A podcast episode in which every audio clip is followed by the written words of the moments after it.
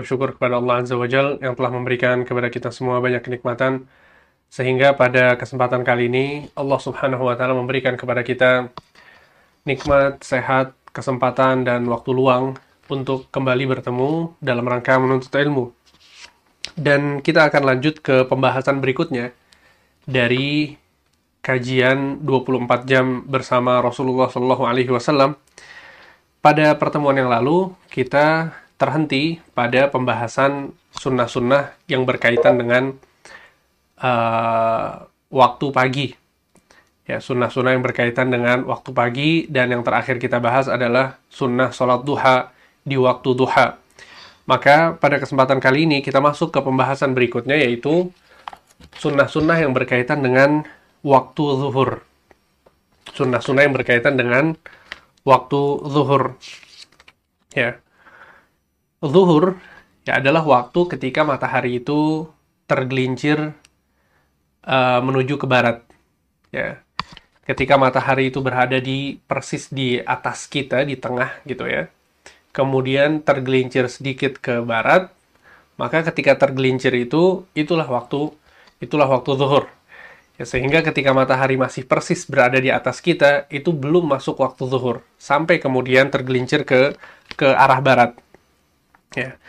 Maka ada beberapa sunnah yang berkaitan dengan waktu zuhur sampai waktu asar.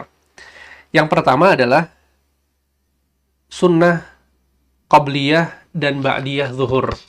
Sunnah qabliyah dan ba'diyah zuhur. Ya. Ini uh, sudah kita bahas pada pertemuan yang pertama ketika kita membahas tentang sholat sunnah rawatib. Ya, akan tapi tidak masalah kita kembali ulang bahwa Nabi Shallallahu Alaihi Wasallam bersabda, "Man sallat nataya ashrata raka'atan fi yaumin wa laylah, bunyalahu bihinna baitun fil jannah." Ya kata Nabi SAW, barang siapa yang sholat 12 rakaat pada setiap harinya, siang dan malam hari, maka dia akan dibangunkan untuknya rumah di surga. Ya, akan dibangunkan untuknya rumah di surga. Sehingga hadis ini menjelaskan kepada kita bahwa ada 12 rakaat yang mengiringi sholat-sholat sholat-sholat wajib pada setiap harinya. Ya, maka sholat-sholat tersebut adalah dua rakaat sebelum subuh, empat rakaat sebelum zuhur, dua rakaat setelah zuhur, kemudian dua rakaat setelah maghrib dan dua rakaat setelah isya. Maka jumlahnya adalah 12. Maka ketika di sholat zuhur ya masuk waktu zuhur kita disunahkan untuk sholat empat rakaat sebelum zuhur dan dua rakaat setelah zuhur berdasarkan hadis yang tadi disebutkan yaitu hadis keutamaan sholat 12 rakaat setiap harinya. Ya maka itu tadi keutamaan yang besar yang bisa didapat untuk seorang yang ya rutin melaksanakan 12 rakaat setiap harinya bahwa dia akan dibangunkan surga, dibangunkan rumah di surga oleh Allah Subhanahu wa taala. Kemudian ada hadis lain. Ada hadis lain yang diriwayatkan oleh Ummu Habibah bahwa beliau mengatakan sami'tu Nabi sallallahu alaihi wasallam yaqul aku mendengar Nabi Muhammad SAW bersabda man shalla arba'a raka'atin qabla adh-dhuhri wa arba'an ba'daha harramallahu alaihi an-nar Barang siapa yang sholat empat rakaat sebelum zuhur dan empat rakaat setelah zuhur, maka Allah mengharamkan orang ini untuk masuk neraka. Ya, maka ini juga keutamaan yang luar biasa bagi orang yang sholat empat rakaat sebelum zuhur dan empat rakaat setelah zuhur. Ya, sehingga di sini kita memiliki dua hadis dengan keutamaan yang berbeda. Ya coba fahami baik-baik bahwa di sini ada dua hadis dengan keutamaan yang berbeda. Hadis yang pertama menjelaskan tentang keutamaan sholat 12 rakaat setiap hari. Di dalamnya adalah termasuk di dalamnya 4 rakaat sebelum zuhur dan 2 rakaat setelah zuhur. Ya, 4 rakaat sebelum zuhur dan 2 rakaat sebelum setelah zuhur. Ya, itu adalah bagian dari sholat sunnah rawatib yang memiliki keutamaan akan dibangunkan rumah di surga oleh Allah. Itu hadis yang pertama. Kemudian hadis yang kedua, kata Nabi SAW, barang siapa yang sholat empat rakaat sebelum zuhur dan empat rakaat setelah zuhur, maka Allah akan mengharamkan orang tersebut untuk masuk neraka. Ya, sehingga kita memiliki dua hadis dengan dua keutamaan yang berbeda. Yang pertama mendapat rumah di surga, yang kedua dijauhkan dari neraka. Ya, Masya Allah ya. Uh, sehingga ini adalah uh, keutamaan dari Allah Subhanahu wa taala kepada kita. Sehingga ini yang diajarkan oleh Nabi SAW untuk kita lakukan setiap harinya di waktu zuhur. Yaitu sholat empat rakaat sebelum kita sholat zuhur, kemudian setelah kita sholat zuhur, kita sholat empat rakaat. Ya, kalau kita melakukan ini, maka kita mendapatkan dua keutamaan sekaligus. Ya, tentunya jika 12 rakaat itu dilakukan semua ya, bukan cuma zuhur. Tapi kita konteksnya sekarang sedang berbicara tentang waktu zuhur. Ya, semoga bisa difahami ya. Jadi ketika kita sholat uh, apa namanya sebelum zuhur 4 rakaat, setelah zuhur 4 rakaat, itu kita meniatkan pertama itu adalah untuk sholat uh, rawatib yang 12 itu termasuk.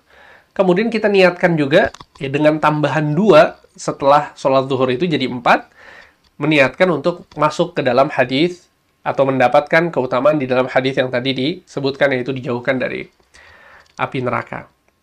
Ya, sehingga ini keutamaan yang besar dan ini adalah sunnah yang bisa kita lakukan setiap hari. Ya, dan juga yang penting untuk difahami adalah bahwa cara sholat empat rokaatnya itu dua rokaat kemudian dua rokaat gitu ya. Dua rokaat salam dua rokaat salam. Karena dalam sebuah hadis Nabi SAW mengatakan sholatul laili wan nahari masna masna.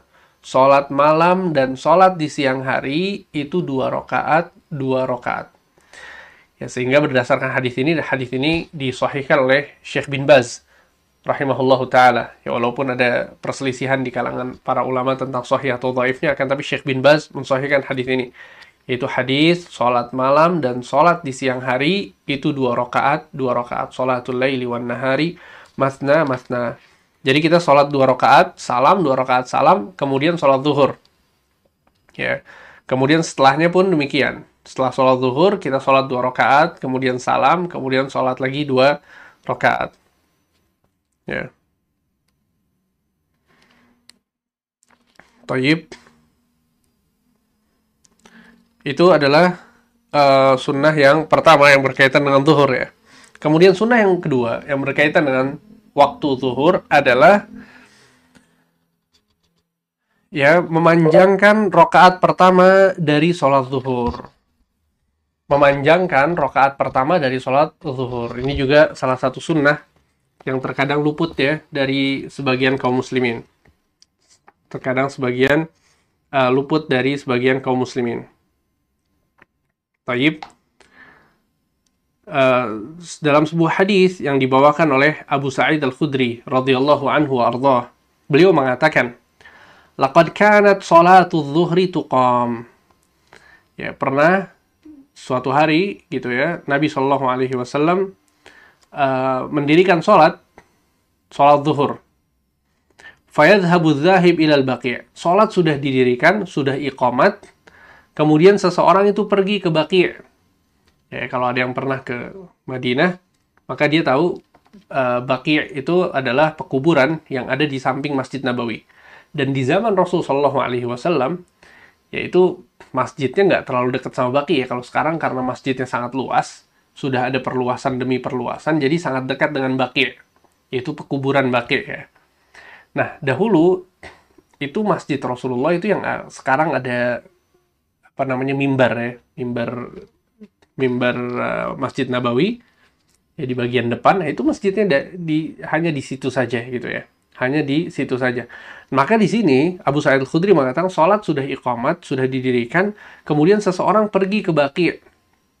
Fayaqdi hajatahu thumma yatawadda. Kemudian dia menyelesaikan urusannya di Baqi, kemudian dia pergi untuk berwudu. Thumma ya'ti, kemudian dia pergi untuk sholat bersama Rasulullah. Yang sholat itu sudah didirikan ya.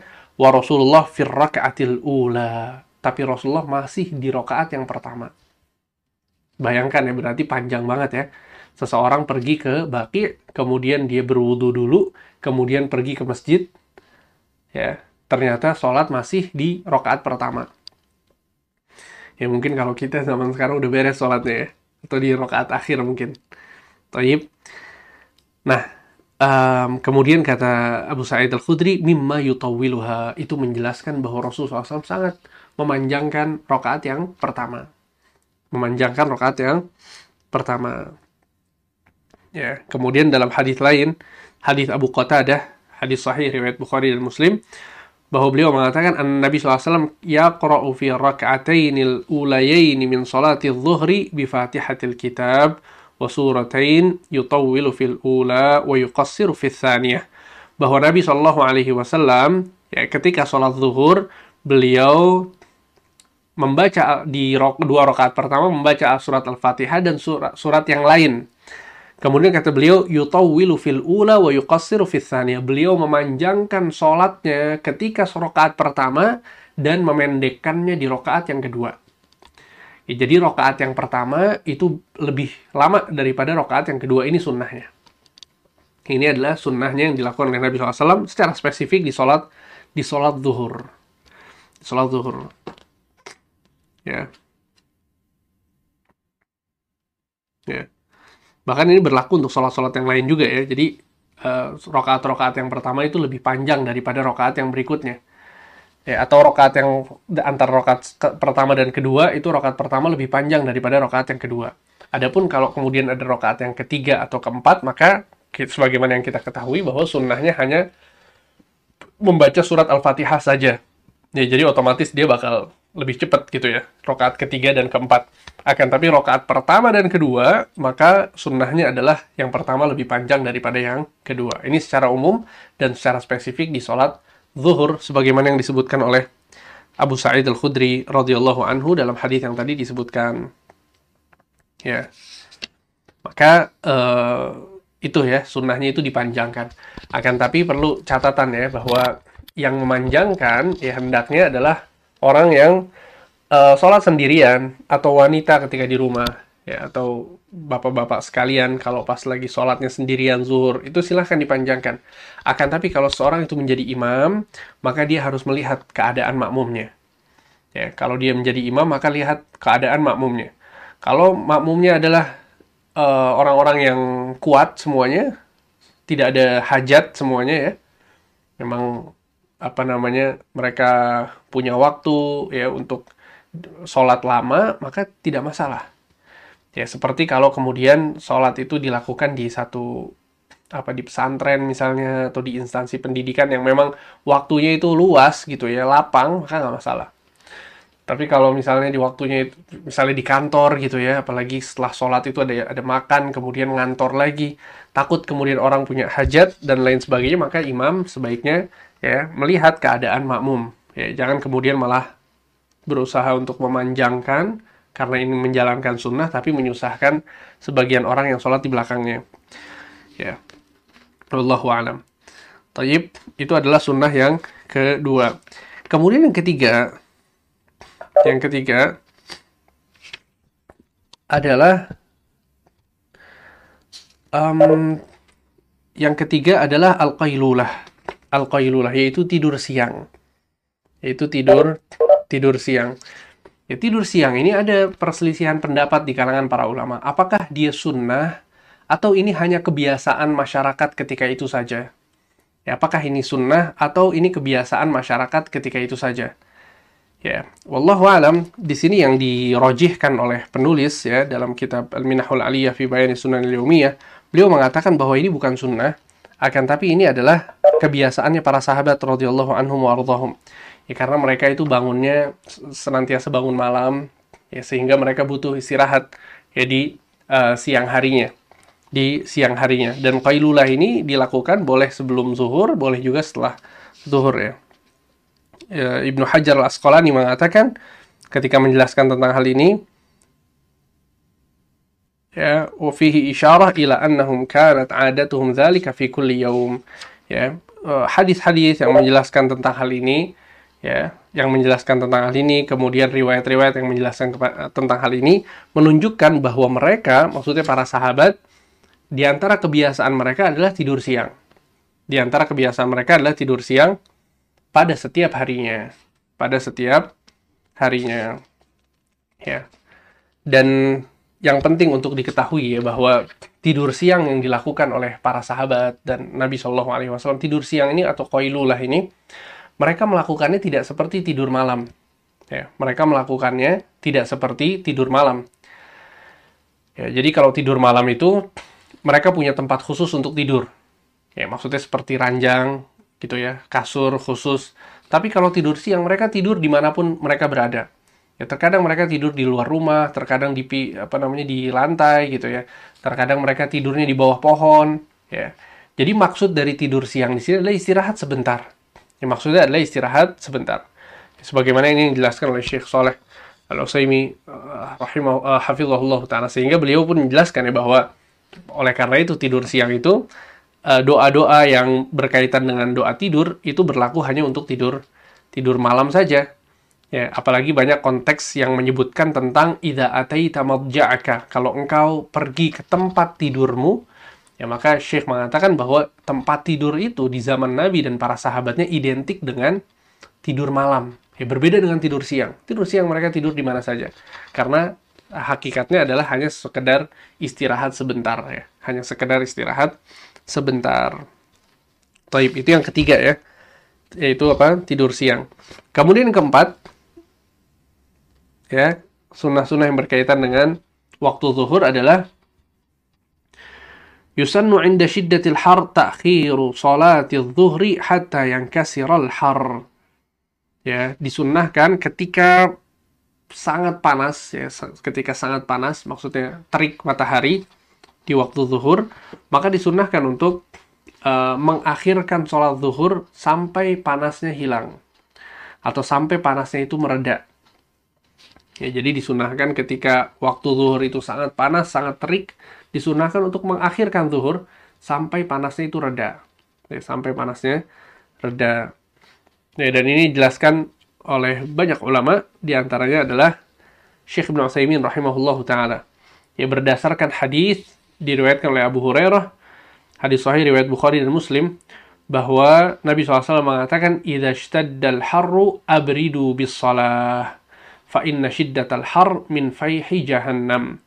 Ya jika panas itu sedang terik, ya keadaan cuaca itu sedang sangat panas, maka akhirkanlah ya sholat zuhur itu sampai waktu yang agak dingin. Abridu bis sholat ya sholatnya diakhirkan sampai mereda panasnya.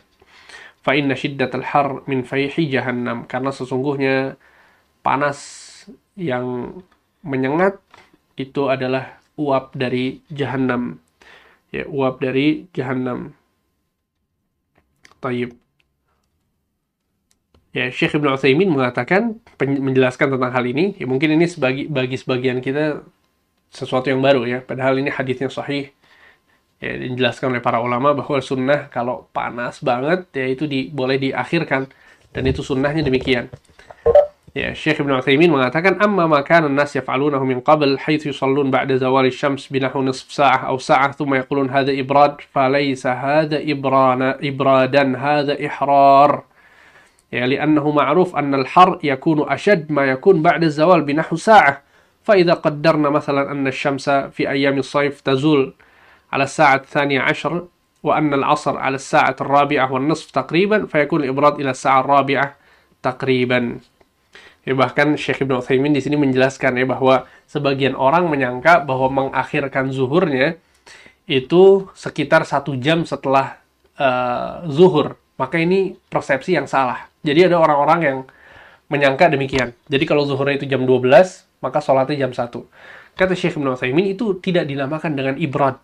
Ya, tidak dinamakan mengakhirkan sampai reda. Ya, yang diakhirkan sampai reda itu diakhirkan sampai betul-betul reda kata Syekh bin Utsaimin. Kalau diakhirkannya cuma satu jam, maka itu malah menambah panas ya. Bayangkan dari jam 12 ke jam 1, jam 1 mungkin lebih panas daripada jam 12 gitu kata Syekh bin Utsaimin. Maka Syekh di sini bercerita tentang cuaca di Saudi ya. Beliau mengatakan bahwa kalau kemudian di apa namanya di musim panas itu zuhur pada jam 12, kemudian asarnya itu jam setengah lima kata beliau, setengah lima asarnya, Maka yang dinamakan dengan ibrad, dinamakan dengan mengakhirkan zuhur sampai reda panasnya, itu adalah ketika jam 4 kurang lebih. Ketika jam 4 kurang lebih ini waktu Saudi ya sekali lagi, apa yang beliau lihat gitu ya. Maka sama ya, kita pun demikian. Kita lihat kalau kemudian apa namanya uh, sudah redanya itu sekitar jam setengah tiga misalnya atau jam 2 jam 2 seperempat jam setengah tiga maka nggak masalah diakhirkan sampai waktu waktu tersebut. Dan ini sunnah.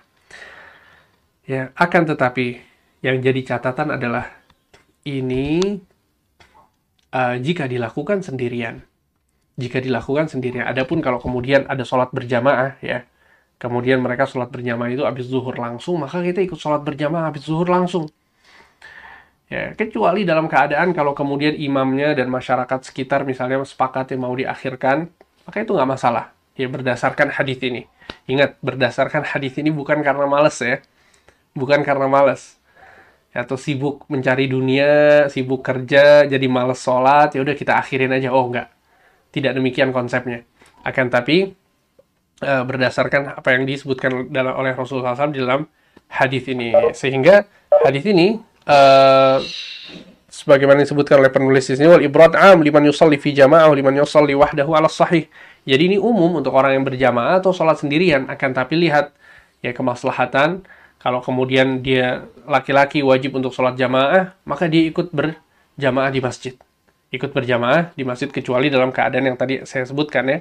Kalau kemudian mereka saling apa namanya memahami kemudian diakhirkan Ya, kemudian disunahkan juga untuk perempuan kalau dia sholat di rumah, ternyata panas matahari boleh diakhirkan. Ya, karena keumuman hadis Abu Hurairah tadi yang disebutkan dan penjelasan dari Syekh Ibnu Utsaimin rahimahullahu taala. Ya, sehingga ini penjelasan tentang sunnah-sunnah yang berkaitan dengan waktu zuhur. Ya, kemudian kita masuk ke sunnah-sunnah berikutnya. Yaitu ke waktu berikutnya yaitu ketika masuk waktu asar. Ya, apa saja sunnah-sunnah antara waktu asar sampai maghrib um, ketika masuk waktu asar ada beberapa sunnah yang diajarkan uh, oleh Nabi Shallallahu Alaihi Wasallam. Di antaranya adalah di antaranya adalah um, tentang masalah sholat. Ya, ini perlu penjelasan ya. Jadi sebagaimana yang kita sebutkan bahwa sunnah sholat rawatib itu ada 12 rakaat sunnah sholat rawatib itu ada 12 rakaat ya dengan keutamaan dibangunkan rumah di surga sebagaimana yang tadi disebutkan. Taib. Dan di dalam 12 rakaat itu tidak disebutkan sholat rawatib di sholat asar. Ya, sehingga sholat asar tidak memiliki sholat sunnah rawatib yang termasuk dari 12 yang disebutkan oleh Nabi SAW. Paham ya? Clear sampai di sini ya? Taib. Akan tetapi ada hadis lain. Ada hadis lain. Ya, diriwayatkan oleh Imam Ahmad, Abu Dawud dan Tirmidzi bahwa Nabi Shallallahu alaihi wasallam mengatakan uh, ada hadis lain bahwa Nabi Shallallahu alaihi wasallam mengatakan rahimallahu mra'an shalla qabla al-'asri arba'an rahimallahu mra'an shalla qabla al-'asri arba'an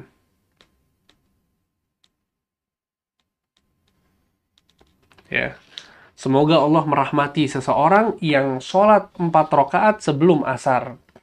Semoga Allah merahmati seseorang yang sholat sebelum empat rakaat sebelum asar. Maka berdasarkan hadis ini, sebagian ulama menyebutkan bahwa di antara sunnah sebelum asar, sebelum sholat asar adalah sholat empat rakaat. Ya, dua rakaat salam, kemudian dua rakaat salam. Hadis ini, ikhwan, dihasankan oleh Syekh Al-Albani, rahimahullahu ta'ala walaupun kemudian dinilai dhaif oleh sebagian ulama. Ya maka uh, berdasarkan penjelasan dari Syekh Albani rahimahullah taala bahwa hadis ini hasan sehingga seseorang itu disunnahkan untuk sholat empat rakaat sebelum sebelum uh, asar.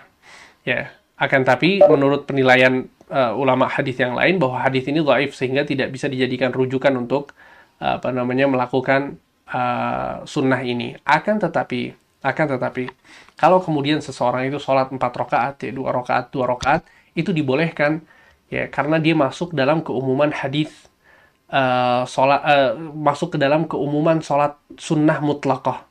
Sholat sunnah mutlaqah. Ya, ketika Nabi SAW mengatakan sholatul laili wan nahari masna masna. Ya, sholat di malam hari atau sholat di siang hari itu dua rakaat dua rakaat. Ya, sehingga ada sholat sunnah yang dinamakan dengan sholat sunnah mutlaqah, yaitu sholat sunnah seseorang dibebaskan. Boleh sholat dua rakaat, kemudian dua rakaat lagi, dua rakaat lagi, dibolehkan. Ya, sehingga uh, kalau kemudian seorang sholat sunnah berdasarkan sholat sunnah mutlaqah dibolehkan. Ya, kalau kemudian dia mengambil uh, pendapat Syekh Al-Bani, ya bahwa uh, hadis ini adalah hadis yang hasan maka dibolehkan juga ya nggak masalah ya sehingga dia sholat empat rakaat sebelum asar yaitu dua rakaat dan dua rakaat ya kemudian uh, sunnah yang lainnya yang berkaitan dengan sholat asar adalah zikir atau sunnah-sunnah yang berkaitan dengan waktu asar yang lainnya adalah zikir petang ya zikir petang dan ini sudah kita bahas di pembahasan zikir pagi ya. Kita sudah bahas di pembahasan zikir pagi bahwa uh, waktu untuk zikir petang adalah ketika matahari itu atau ketika masuk waktu asar itu sudah kita kita sudah dibolehkan untuk melakukan zikir petang sampai matahari itu terbenam. Sampai matahari itu terbenam. Itu adalah waktu seseorang zikir petang, zikir sore. Akan tetapi kalau kemudian seseorang itu tersibukkan atau dia lupa untuk zikir petang, maka dibolehkan dia zikir petang setelah maghrib, setelah terbenam matahari, atau setelah isya sekalipun, nggak masalah. Ya, nggak masalah. Karena sebagian ulama juga berpendapat bahwa maksud dari al-masa, sore, itu sampai tengah malam. Setelah isya pun dinamakan dengan masa dalam bahasa Arab. Ya, sehingga maksudnya adalah waktunya dari asar sampai maghrib, kalau kita lupa atau ter tersibukkan, maka dibolehkan untuk membacanya se setelah waktu tersebut. Ya. Itu sunnah-sunnah yang berkaitan dengan waktu asar. Ya. Sunnah-sunnah yang berkaitan dengan waktu asar. Kemudian, ya, kita masuk ke waktu yang keenam, yaitu waktu maghrib yaitu waktu maghrib. Ya. Ada banyak sunnah-sunnah yang berkaitan dengan waktu maghrib. Di antaranya adalah yang pertama, minas sunnah kafusibian awal al maghrib. Menahan anak-anak kecil untuk Alhamdulillah. Menahan anak-anak kecil di waktu maghrib untuk tidak keluar rumah. Ya, ini sunnah yang pertama. Ya, sekali lagi sunnah yang pertama, ketika masuk waktu maghrib adalah menahan anak-anak kecil agar mereka tidak keluar tidak keluar rumah. Kemudian yang kedua adalah ighlaqul abwab awal al-maghrib wa ta'ala. Yaitu menutup pintu-pintu dan jendela-jendela di waktu maghrib sambil menyebut nama Allah. Ya, ini sunnah yang kedua. Taib. Nabi Shallallahu Alaihi Wasallam menjelaskan dalam sebuah hadis yang sahih Kata beliau, "Idza kana junhul laili aw amsaitum fakuffu sibyanakum." Ya. Kalau malam itu sudah datang, ya maksudnya ketika matahari itu ter, terbenam, fakuffu sibyanakum, maka tahanlah anak-anak kalian. Tahanlah anak-anak kalian. Ya jangan dibiarkan keluar rumah. Fa inna syaitan yantashiru hina idin. Karena pada waktu tersebut tersebut setan-setan itu sedang bertebaran. Mereka sedang bertebaran. Fa'idha dhahaba sa'atun minal laili faqalluhum. Kalau sudah lewat waktu tersebut, maka biarkanlah mereka keluar. Wa agliqul abwab. Ya, dan juga ketika matahari itu terbenam, malam itu sudah tiba, tutuplah pintu-pintu.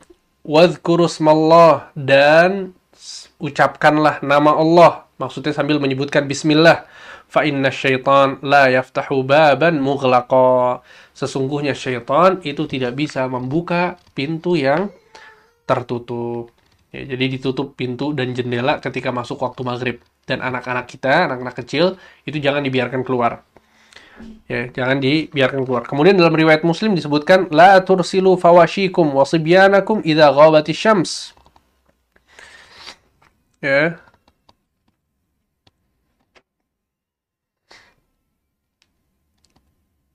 La tursilu fawashikum wasibyanakum idha ghawati syams.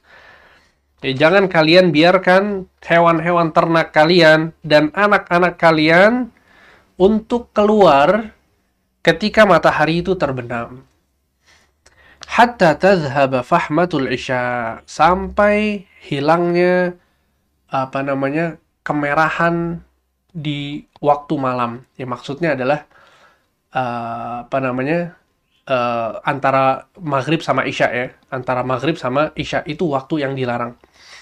Inna syayatin tanba'ithu idza ghabat syams hatta tadhhabu fahmatu fahmatul isya. Ya. Sesungguhnya seseorang itu atau sesungguhnya pak setan-setan itu mereka bertebaran ketika matahari itu terbenam sampai waktu isya. Sampai waktu isya. Itu maksud dari fahmatul isya. Fahmatul isya itu waktu antara maghrib sama isya. Ya, jadi di waktu ini jangan kita mengeluarkan keluarga kita, apa anak-anak kecil, atau kemudian tadi disebutlah tursilu fawashikum, hewan-hewan ternak itu dibiarkan di kandangnya, jangan dikeluarkan. Ya, kemudian pintu itu ditutup sambil membaca bismillah, jendela ditutup sambil membaca bismillah. Sampai waktu Isya. Kalau sudah waktu Isya, boleh anak kecil keluar pun nggak masalah. Ya. Taib, itu adalah uh, sunnah yang pertama dan yang kedua. Ya. Sunnah yang pertama dan yang kedua.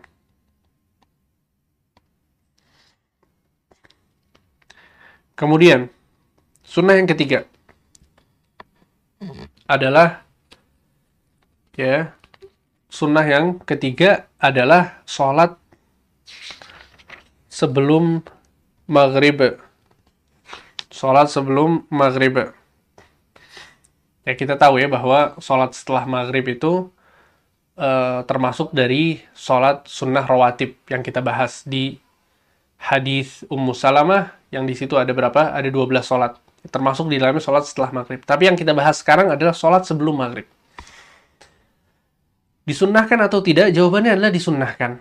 Akan tapi wa, wa, disunnahkan walaupun dia tidak termasuk dari 12 rokaat yang dijanjikan rumah di surga. Ya, jadi teman-teman sekalian perlu paham ya. Jadi yang 12 rakaat itu khusus sunnah sun, sunnah rawatib yang memiliki ganjaran khusus yaitu rumah di surga. Akan tapi ada sunnah-sunnah yang lain. Sebagian ulama menamakannya juga sunnah rawatib karena dia mengiringi sholat-sholat wajib. Akan tapi yang jelas adalah itu yang 12 memiliki keutamaan tertentu yang lain. Ya, Nabi Shallallahu Alaihi Wasallam mengatakan, "Sallu qabla salatil maghrib." Sallu qabla salatil maghrib. Sallu qabla salatil maghrib liman syaa.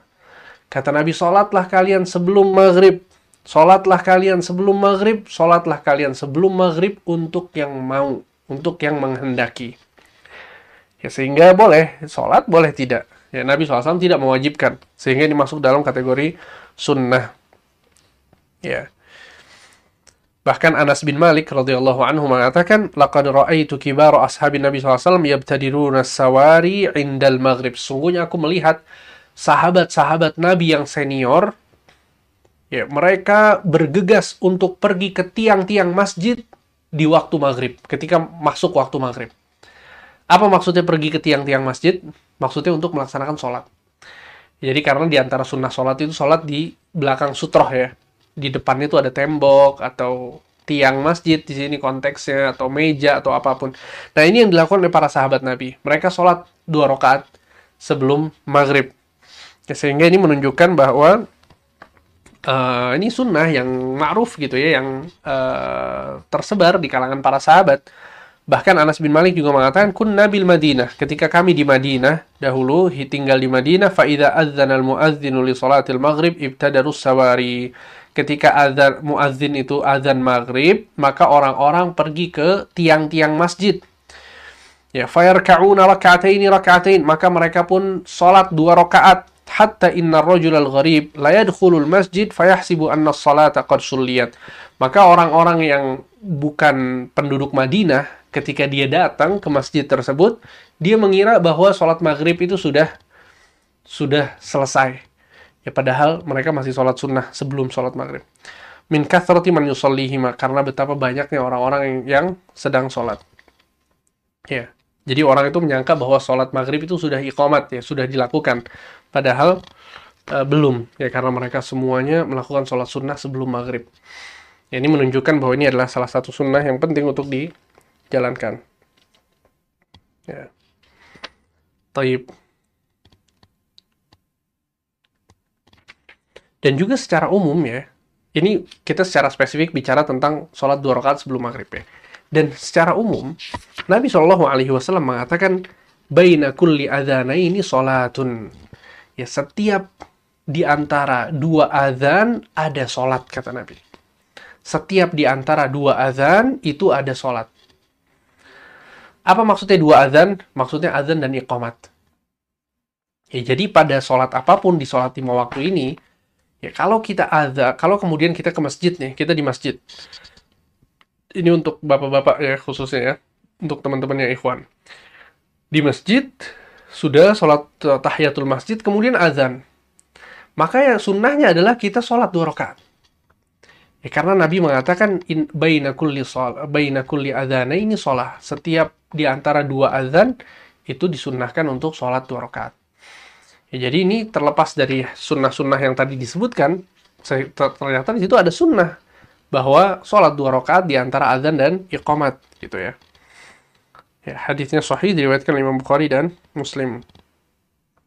Ya, akan tapi kalau kemudian ya di antara azan dan iqamat ini misalnya di sholat subuh, maka dua rakaat itu terhitung sholat apa? Sholat rawatib, sunnah fajr, sunnah subuh, sebagaimana yang sudah kita bahas. Ya, kemudian kalau di sholat zuhur di situ ada empat rakaat disunahkan kita sholat rawatib. Maka kalau kita sholat empat rakaat, dua rakaat, dua rakaat, tentu sudah masuk di dalamnya sholat apa? Di antara azan dan iqamat. Ya. Taib. Itu adalah sunnah yang ketiga. Ya. Yang berkaitan dengan waktu maghrib. Kemudian, sunnah yang keempat. Sunnah yang keempat yang berkaitan dengan waktu maghrib adalah tidak tidur. Tidak tidur sebelum maghrib. Ya bahkan tidur sebelum eh, sebelum isya, afwan. Tidak tidur setelah maghrib sebelum isya. Ya, karena Nabi SAW membenci ya. Ini hukumnya makruh ketika seorang itu tidur sebelum sebelum isya. Taib. Kata seorang sahabat Abu Barzah Al-Aslami radhiyallahu anhu beliau mengatakan an Nabi sallallahu alaihi wasallam kana yastahibbu an yuakhir al-isya. Qal wa kana yakrahu an-naum qablaha wal haditha ba'daha. Sungguh Nabi SAW menyukai ketika Isya itu diakhirkan. Nanti akan kita bahas di pembahasan Isya. Kemudian beliau berkata, wa kana yakrahu an-naum qablaha. Nabi SAW itu membenci tidur sebelum Isya. Nabi benci tidur sebelum Isya wal haditha ba'daha sebagaimana beliau membenci tidak menyukai bicara atau ngobrol setelah setelah Isya. Ya, maka inilah yang disunnahkan yang berkaitan dengan waktu maghrib. Ya, jadi yang keempat adalah disunnahkan untuk tidak tidur. Ya. Kenapa? Sebagian ulama menyebutkan yang sebabnya adalah biasanya orang yang tidur setelah maghrib kalau dia kecapean ya bisa-bisa isyanya itu kelewatan ya. Bisa-bisa isyanya itu ter terlewatkan.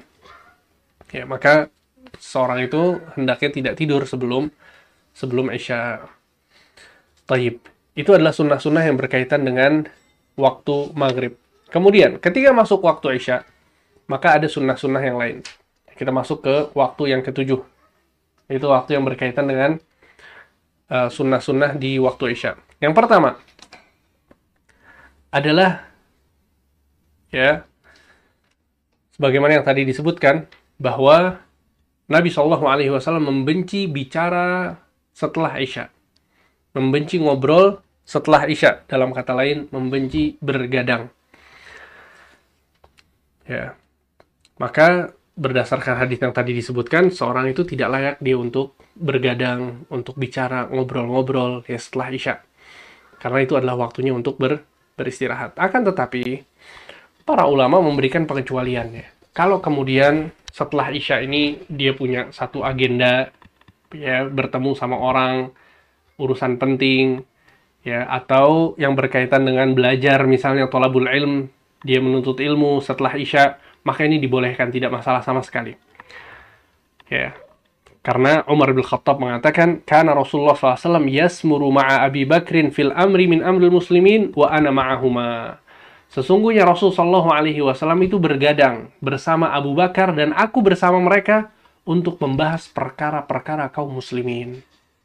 Untuk membahas perkara-perkara kaum muslimin. Ya, jadi kalau ada maslahatnya, maksudnya memang diperlukan, ya di waktu pagi kita nggak ada kesempatan sama sekali siang sore juga baru punya waktunya itu ketika malam hari setelah isya maka dibolehkan sebagaimana yang disebutkan di sini dalam uh, perkataan Umar bin Khattab radhiyallahu anhu arda ya kemudian juga uh, dibolehkan juga ya tidak termasuk sesuatu yang makruh ketika seseorang itu bicara ngobrol sama keluarganya sebelum tidur itu dibolehkan Ya, jadi tidak secara mutlak ya, seorang itu tidak bicara sama sekali tidak, akan tapi kalau dia bicaranya sama istrinya misalnya sebelum tidur, maka itu dibolehkan. Bahkan Ibnu Abbas mengatakan bittu fi baiti Maimunah lailatan. Suatu malam aku pernah tidur di rumahnya Maimunah. Maimunah ini bibinya uh, Ibnu Abbas. Wan Nabi sallallahu alaihi wasallam indaha ya li anzura kaifa salatu Rasulullah sallallahu ya dan Nabi SAW ketika itu ada di rumah rumah bibinya gitu ya. Jadi Ibnu Abbas menginap di rumah bibinya dalam keadaan Nabi SAW sedang di sana. Aku ingin melihat bagaimana sholat Rasul Shallallahu Alaihi Wasallam di malam hari. Kemudian Ibnu Abbas mengatakan, "Fatahaddatha Rasulullah ma'a ahlihi sa'atan thumma raqat." Yang dilakukan oleh Nabi SAW sebelum tidur adalah beliau ngobrol dulu sama istrinya, baru kemudian tidur. Ini menunjukkan bahwa ngobrol sebelum tidur sama istri itu dibolehkan dan ini dilakukan oleh Rasulullah Shallallahu Alaihi Wasallam. Ya, maka um, maksud dari Nabi Shallallahu Alaihi Wasallam membenci ya bicara setelah isya maksudnya dalam perkara-perkara yang remeh, perkara-perkara yang tidak diperlukan ya. Kalau nggak perlu maka jangan bergadang. Ya langsung tidur habis isya. Ya, setelah isya langsung tidur karena itu akan memudahkan seseorang untuk bangun malam, ya, untuk bangun subuh itu sangat memudahkan. Ya, jadi sebetulnya kenapa kemudian banyak orang yang nggak bisa bangun malam? Kenapa banyak orang yang terlambat subuhnya? Coba kita tanya orang yang kejadian padanya hal tersebut ya nggak bisa bangun malam atau subuhnya selalu terlambat tidurnya jam berapa ya kebanyakan kita subhanallah tidur jam 10 itu udah sangat cepat ya bagian jam 11 mungkin atau jam 12 ya, sebagian orang jam 1 sebagian orang nggak bisa tidur sampai jam 2 baru tidur setiap hari ya ini kebiasaan-kebiasaan yang nggak baik ya. Ini kebiasaan yang tidak baik. Maka uh, sunnahnya yang dilakukan oleh Nabi SAW adalah setelah Isya langsung tidur. Ya, tidak berbicara kecuali perkara yang memang dibutuhkan. Kemudian yang kedua, um, sunnah yang kedua yang berkaitan dengan Isya adalah mengakhirkan sholat Isya. Ya, mengakhirkan sholat Isya. Taib. Nabi Shallallahu Alaihi Wasallam uh, diriwayatkan dari Aisyah radhiyallahu anha kata Aisyah radhiyallahu anha a'tama Nabi sallallahu alaihi wasallam dzata lailah ya hatta dhahaba 'ammatul lail hatta wa hatta nama ahlul masjid thumma kharaja fa ya pernah Nabi sallallahu alaihi wasallam suatu hari itu mau sholat Isya sampai malam itu betul-betul larut ya, malam itu betul-betul larut dan sebagian orang-orang yang ada di masjid itu tidur Bayangkan, jadi sahabat-sahabat Nabi ini udah karena udah azan Isya, mereka pergi ke masjid, sampai di masjid menunggu Nabi sampai tertidur. Karena saking Nabi SAW terlambatnya luar biasa. Ya, kemudian Nabi pun Nabi pun masuk ke masjid mengatakan kepada para sahabatnya, Innahu lawaktuha, sesungguhnya sebenarnya ini adalah waktunya Isya. Laula an asyukka ala ummati. Ya, kalau saja itu tidak memberatkan umatku. Ya, kalau saja itu tidak memberatkan umatku. Ya maka uh, ini adalah di antara sunnah sholat isya, yaitu sholat isya itu diakhirkan. Jadi diakhirkan sampai yang dilakukan Nabi ini sekitar wallahu alam mungkin jam 11 malam kalau zaman sekarang atau jam 12 malam itu yang dilakukan oleh Nabi Shallallahu alaihi wasallam karena sudah ya sudah uh, larut sudah larut malam. Ya, bahkan Nabi SAW juga mengatakan laula an asyqa ala ummati la amartuhum an yuakhirul isya ila thuluthil lail au nisfih. Kalau tidak memberatkan umatku, sungguh aku akan memerintahkan mereka untuk mengakhirkan Isya sampai sepertiga malam atau setengah malam. Bayangkan sepertiga malam itu kapan? Jam 10 mungkin ya. Atau setengah 11. Ya, setengah malam itu berarti tengah malam dibagi dua itu di apa namanya dibagi dua yang di pertengahan itulah waktu Isya. Ya, kata Nabi, kalau tidak memberatkan umatku, aku akan jadikan sholat isya seperti itu. Sehingga, ini kita katakan sebagaimana kita katakan pada mengakhirkan sholat zuhur tadi. Kalau seorang itu sholat sendirian, ya perempuan misalnya, boleh diakhirkan sholat isyanya. Atau seorang, ya dia terla, apa namanya terlewatkan sholat jamaah, entah safar atau yang lainnya, maka disunnahkan untuk mengakhirkan isya. Ya, adapun kalau kemudian di masjid-masjid kaum muslimin itu setelah azan 15 menit, 20 menit komat, maka kita ikut sholat berjamaah sama mereka. Jangan kemudian kita mengatakan saya nggak mau ikut sholat berjamaah nanti aja malam malam apa namanya uh, saya akhirkan karena sunnah. Tidak ya. Karena kewajiban kita adalah sholat di masjid bersama kaum muslimin. Yaitu kondisinya ketika kita sholat sendiri. Atau sebagaimana yang tadi kita jelaskan ketika ya uh, di masjid itu imam kemudian apa namanya orang-orang yang pengurus masjidnya kemudian makmum masyarakat sekitar sepakat ya udah kita akhirkan saja isyanya kita mau menjalankan sunnah nih. Nggak masalah azan pada waktu isya ya tidak berubah azannya tapi nanti ikomatnya nanti jam 11 misalnya itu nggak masalah. Ya dibolehkan ya tapi dengan syarat apa? Dengan kesepakatan masyarakat ya. Jangan kemudian membuat fitnah ya. Ya, DKM mengakhirkan sholat isya sampai jam 11 gitu ya. Bisa-bisa viral jadi fitnah nanti kemudian kaum muslimin mengira yang tidak-tidak. Al-muhim intinya adalah bahwa ini sunnah ya dan berlaku sebagaimana dengan penjelasan yang tadi disebutkan. Ya, ini yang berkaitan dengan sunnah-sunnah yang berkaitan dengan waktu isya. Ya, uh, anak rasa cukup ya, insya Allah. Semoga apa yang disampaikan bermanfaat. Insya Allah pada kesempatan yang berikutnya adalah kesem uh, pertemuan terakhir untuk kajian kita ini. Yang akan kita bahas nanti adalah sunnah-sunnah yang berkaitan dengan tidur. Sunnah-sunnah yang berkaitan dengan tidur. Ya, jadi uh, kita sudah menyelesaikan sunnah-sunnah yang berkaitan dengan bangun dari mulai bangun tidur, waktu pagi, waktu duha, waktu zuhur, waktu asar, waktu maghrib, waktu isya. Selesai semuanya. Terakhir, sunnah uh, 24 jam yang dilakukan Nabi SAW adalah sunnah-sunnah yang berkaitan dengan tidur insya Allah akan kita uh, bahas pada pertemuan yang akan datang dan itu merupakan pertemuan yang terakhir nanti. Barakallahu fikum wa sallallahu ala nabi Muhammad wa ala alihi wa sahbihi ajma'in. Wassalamualaikum warahmatullahi wabarakatuh.